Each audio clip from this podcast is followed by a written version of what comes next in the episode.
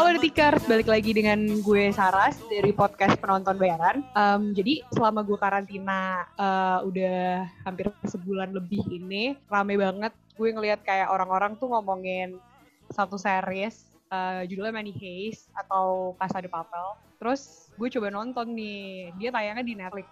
Ternyata udah sampai season 4. Kayaknya gue ketinggalan banget, kayak nggak tahu apa-apa banget soal seriesnya. Terus akhirnya gue coba nonton. Nah, hari ini gue kedatangan seorang teman yang menjadi penonton bayaran gue. Uh, dia udah nonton seriesnya itu dari cukup lama. Dia udah ngikutin sampai sekarang season 4 dia udah ngikutin. Kalau gue jujur aja kayak newbie banget, kayak masih baru mulai nonton tuh gara-gara orang-orang ramai ngomongin kan. Akhirnya gue mau ngundang dia buat ngasih perspektif yang lebih mendalam nih soal si seriesnya ini. Coba kenalin dulu dong siapa nih masnya. Anjir baik. Bener-bener perkenalkan diri, anjir kaku banget cuy. Iya nggak ngobrol aja kayak ya. Oh iya gue. Iya gue Andika suka nonton serial dan film. Udah gitu. Iya. Buat yang belum tahu ceritanya Casa de Papel ini bercerita tentang uh, dia dinarasikan oleh seorang tokoh uh, namanya Tokyo. Uh, jadi ceritanya tuh ada seorang profesor profesor ini ngumpulin delapan orang mantan napi untuk uh, merencanakan sebuah pencurian. Kalau di season 1 sih pencuriannya tuh di apa gudang percetakan uang gitu. Nah, uh, orang ini dikasih nama samaran yang masing-masing nama samarannya itu nama samaran berdasarkan kota gitu. Ada Rio, Berlin, Moskow, Denver, Nairobi, Oslo, Helsinki, sama Tokyo dan masing-masing di antara mereka tuh punya keahlian sendiri-sendiri. Itu sih sinopsis singkatnya ya. Tapi gue pengen tahu sini kalau menurut lo nih filmnya tuh eh filmnya seriesnya tuh gimana sih menurut lo sebagai yang udah nonton dari awal sampai akhir gitu? Kalau gue nonton tuh dari awal 2008 2019 waktu itu udah ada tiga season di Netflix. Karena sebenarnya uh, season 1 sama season 2 itu udah nggak diproduksi sama Netflix tapi diproduksi untuk tayang di salah satu kanal televisi di Spanyol kemudian dibeli Netflix. Jadi mulai season 3 baru diproduksi sama Netflix. Uh, season 1 sama season 2 kayak tadi yang lo bilang dia tuh merencanakan untuk merampok di tempat percetakan negara gitu ya. Jadi bukan cetak uang doang tapi kayak cetak paspor tuh setahu gue juga di situ gitu.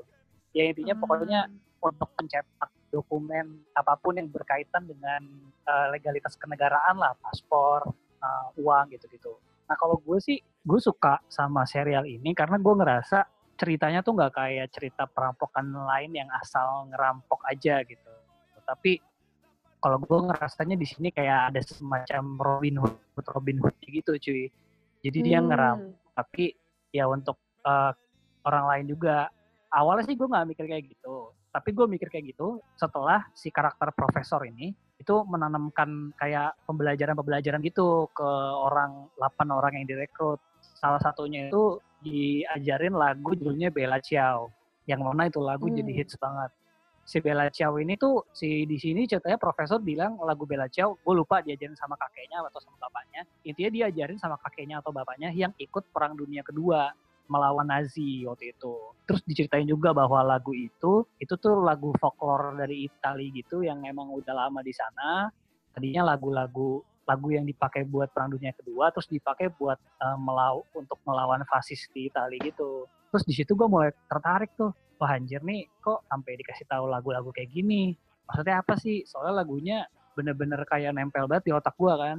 Gue carilah lagu itu. Ternyata lagu itu emang nyata. Jadi kalau di Italia itu dari awal-awal abad 19 gitu emang lagunya tuh dinyanyiin sama petani-petani di Italia gitu yang mendapat perlakuan kasar dan lain-lain gitulah kayak lagu-lagu pekerja-pekerja gitulah. Terus lagu itu pas perang dunia kedua baru liriknya diganti jadi untuk lagu kayak antifasis gitu dipakai di perang dunia kedua dan melawan antifasis di Italia. Nah menurut gue dari situ menarik banget riset film ini dalam gitu loh. Lo sampai dapat lagu Bella Ciao yang mana lagu itu kayak mungkin jadi kayak simbol perlawanan ya. Soalnya di masa pandemi ini kemarin gue lihat di berita ada juga orang Jerman nyanyi lagu Bella Ciao selama dia di rumah aja. Terus kalau nggak salah uh, demo rompi kuning yang di Paris kemarin tuh di Paris Prancis tuh kalau nggak salah mereka juga nyanyi lagu Bella Ciao.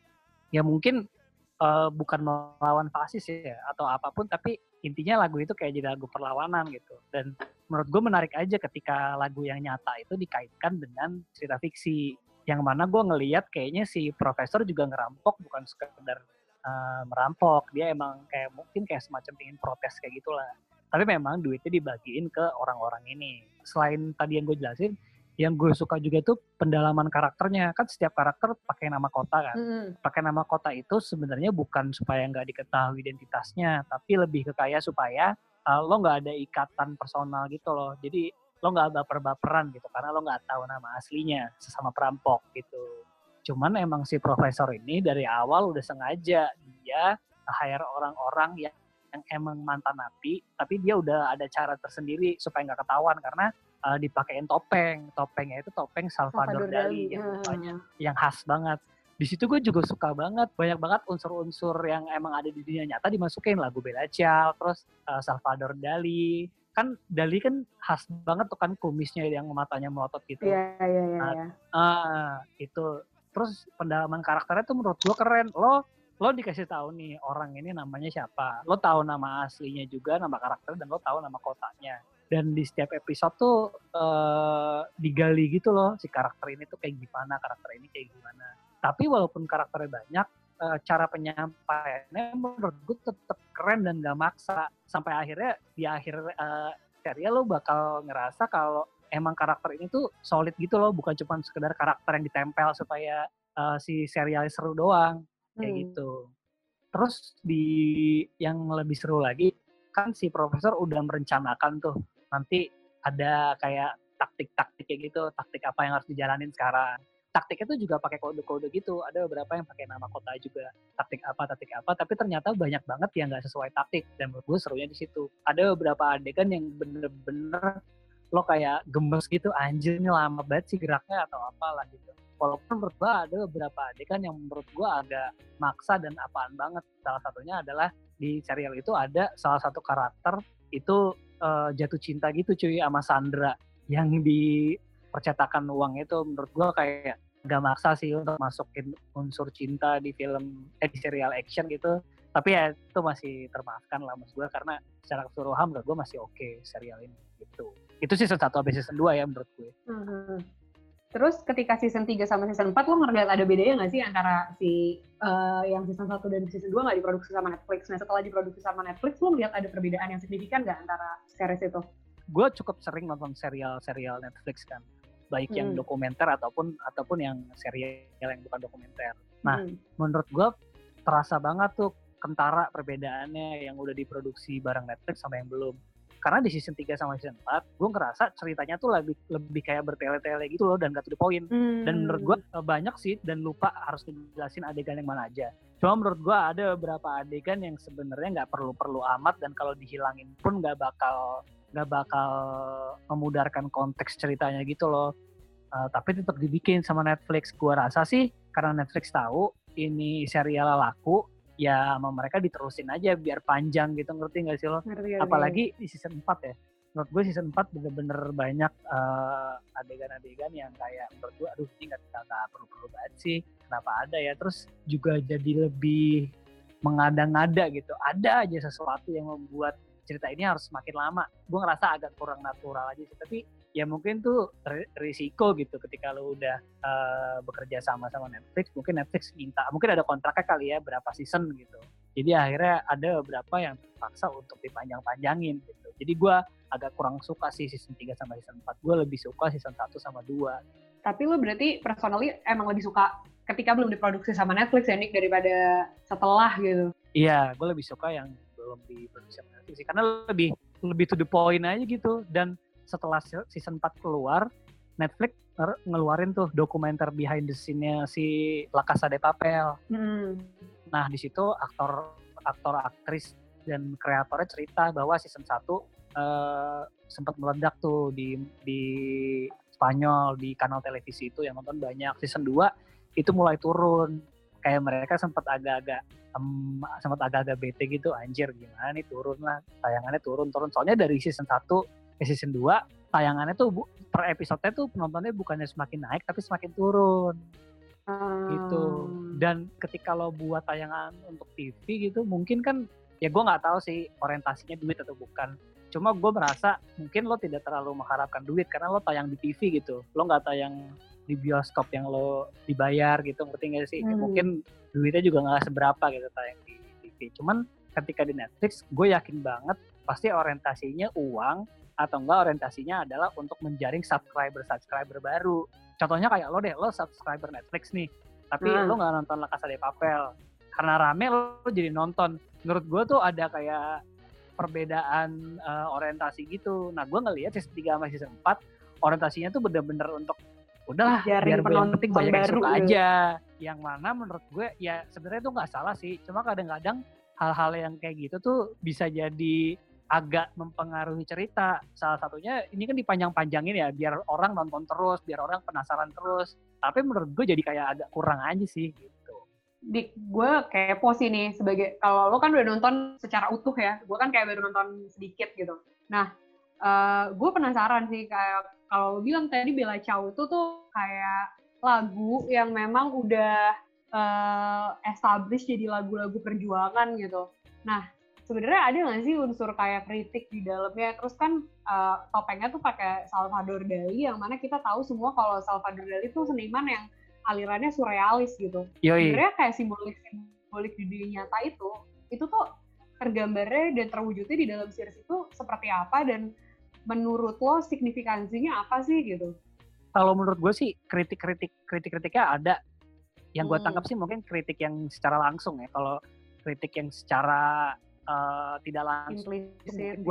uh, nggak terlalu merhatiin. Di situ kan ada polisi kan, sama pokoknya hmm. aparat lah ya si aparat ini tuh kayak seenaknya gitu ketika lo udah nangkep dia nggak dapat perlakuan yang benar disiksa segala macam kayak gitu sih jadi um, kritiknya yang gue lihat sih sebatas itu kalau kaitan antara uh, Salvador dari surrealis gitu-gitu gue gue nggak gue nggak belum melihat sih untuk di dan soalnya sampai saat ini kalau lagu Bella Ciao kan udah dijelasin banget dari awal gitu. Lo hmm. kayak semacam perlawanan diajarin lagu Bella Ciao gitu kan. Tapi kalau penggunaan uh, topeng Salvador Dali sampai sekarang tuh belum diceritain dalam serial ini. Mungkin nanti di ujungnya bakalan ada kali. Uh, kalau gue kan oh. nangkepnya di season 1 itu buat mengecoh gitu kan. Jadi si biar Sandra-Sandranya itu mereka nggak tahu wajah aslinya kayak gimana gitu. Iya, itu, itu emang itu emang iya cuma apakah ada tujuan di balik itu gue belum tahu. Hmm. cuma kalau yang bisa gue tangkap dari kalau yang bisa gue tangkap dari Bella Ciao ya kayaknya itu lebih ke kritik terhadap pemerintah yang seenaknya dalam berbagai hal. Gue rasa salah satunya aparat kan. Hmm. nanti ada diceritain kalau dia dia nangkap orang apa segala macam gitu dengan cara seenaknya. Karena di situ di, di situ mereka punya kode etik juga. Walaupun mereka menyandra orang mereka tetap memperlakukan sandra itu dengan baik dikasih tempat makan dikasih tidur, ada waktu jam istirahatnya, bahkan peraturannya nggak boleh melukai atau membunuh si Sandranya itu. Eh, cuman ntar lo lihat sendiri lah. Dan yang paling kerasa bahwa emang itu uh, bentuk perlawanan ya, walaupun gue nggak tahu nih masih berla kan masih berlanjut bisa aja nanti uh, bisa aja nanti konteks perlawanannya jadi agak berubah gitu di season final nanti gue nggak tahu ya seperti apa tapi di season ketiga itu si profesornya sempat bilang kalau nggak salah dia bilang ini bukan lagi perlawanan terhadap sistem tapi ini udah perang. Soalnya si profesor tuh kesel akan satu hal yang dilakukan oleh pemerintah secara seenak dalam hal ini si aparat tadi ya yang polisi yang nangkep nangkepin itu si polisi ini melakukan hal sesuatu yang uh, menurut dia uh, udah seenaknya banget. Akhirnya si profesor ngomong tuh ke anggotanya yang ngerampok ngerampoknya tuh di bank Spanyol. Jadi kayak BI-nya Spanyol gitu kan yang pertama percetakan uang negara ya. Season 3 hmm. tuh kayak di bank Spanyol Nah di sisi tiga itu polisi melakukan sesuatu yang menurut profesor uh, udah melewati batas banget. Akhirnya profesor ngomong ke anggotanya yang di lapangan. Dia ngomong ini bukan lagi perlawanan terhadap sistem tapi ini udah perang. Ya, di situlah akhirnya si anggotanya udah bener gila-gilaan ngelawan uh, aparat-aparat yang mau nangkep nangkepin mereka gitu. Yang menarik dari film ini tuh kan kita biasanya kayak uh, protagonisnya tuh uh, pasti orang baik terus gue nggak tahu sih lo nangkepnya gimana. Cuma kayak so far kalau yang gue tonton uh, protagon kayaknya kalau film-film biasa kan kayak hmm, kayak polisi ngelawan penjahat terus penjahatnya yang jadi tokoh antagonis gitu lawannya si protagonis. Nah yang gue suka yang gue gak tau suka apa enggak tapi ini menarik gitu kayak bahwa protagonisnya tuh justru si profesornya dan delapan orang yang diajak ngerampok ini gitu. Jadi maksudnya uh, dan yang jadi antagonis tuh justru kayak ya ya polisi dan lain-lainnya. Itu tuh menurut gue cukup menarik sih Dik. Kayak nah. lu melihatnya gimana tuh hal itu? Kalau kalau menurut gue sih itu lebih sebenarnya tuh abu-abu gitu ras menurut gue. Hmm. Gak ada secara spesifik benar-benar mana yang protagonis mana yang antagonis dan gak secara spesifik mana yang hitam mana yang putih gitu. Menurut gue di sini semuanya abu-abu.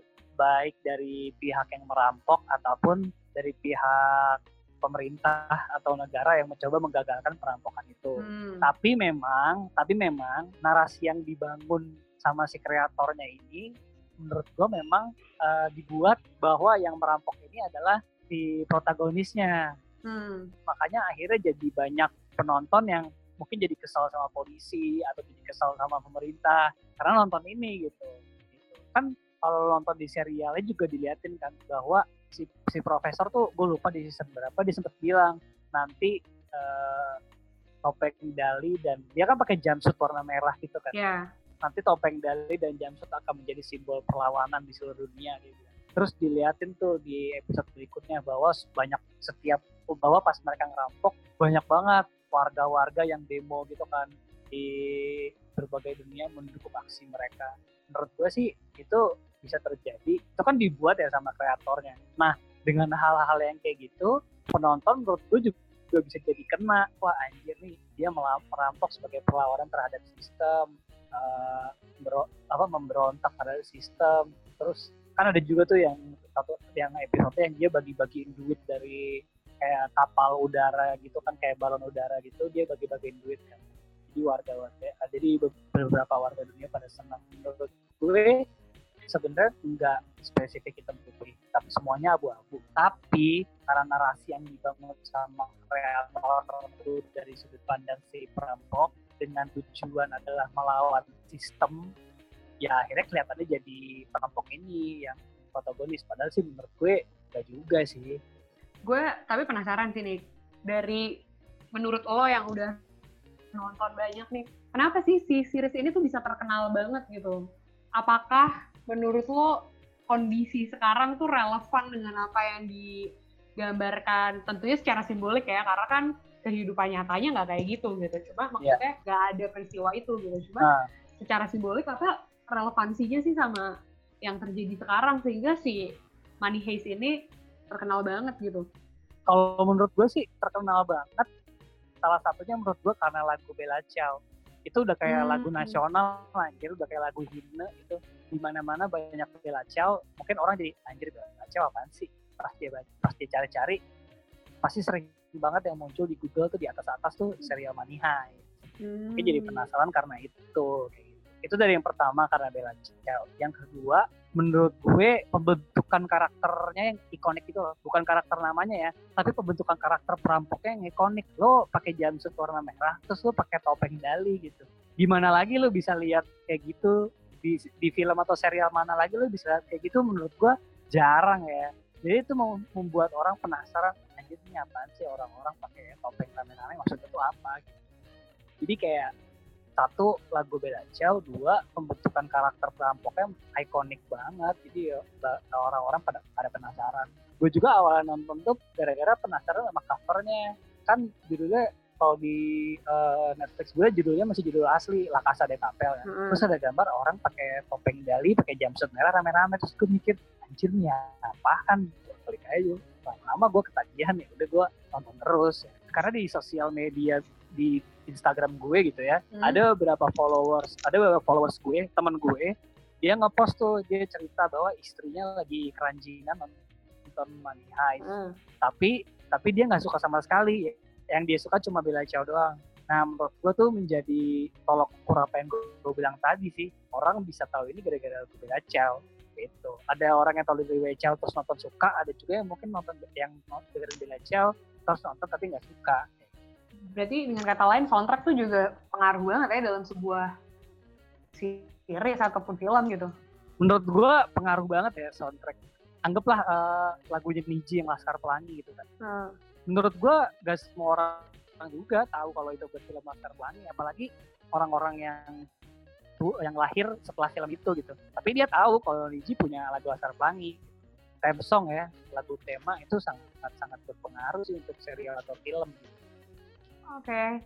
Seru banget ngobrol sama Andika soal Money Heist, tapi sedikit kangen juga ya untuk lo nonton film di bioskop lagi gitu-gitu. Tapi kan kita sekarang masih harus ada di rumah, jadi kayaknya emang masih harus nonton-nonton di layanan streaming aja dulu. Makasih banget ya Andi waktunya ngobrol-ngobrol okay, okay, okay, banget sampai. soal Makasih ada papelnya. Oke, okay, buat teman-teman jangan lupa dengerin podcast penonton bayaran tiap minggunya. Nanti bakal ada penonton bayaran lain yang tampil di sini. Gak tampil sih, ngobrol di sini. Uh, makasih udah dengerin. Sampai ketemu lagi di Tikar. Sehat-sehat ya.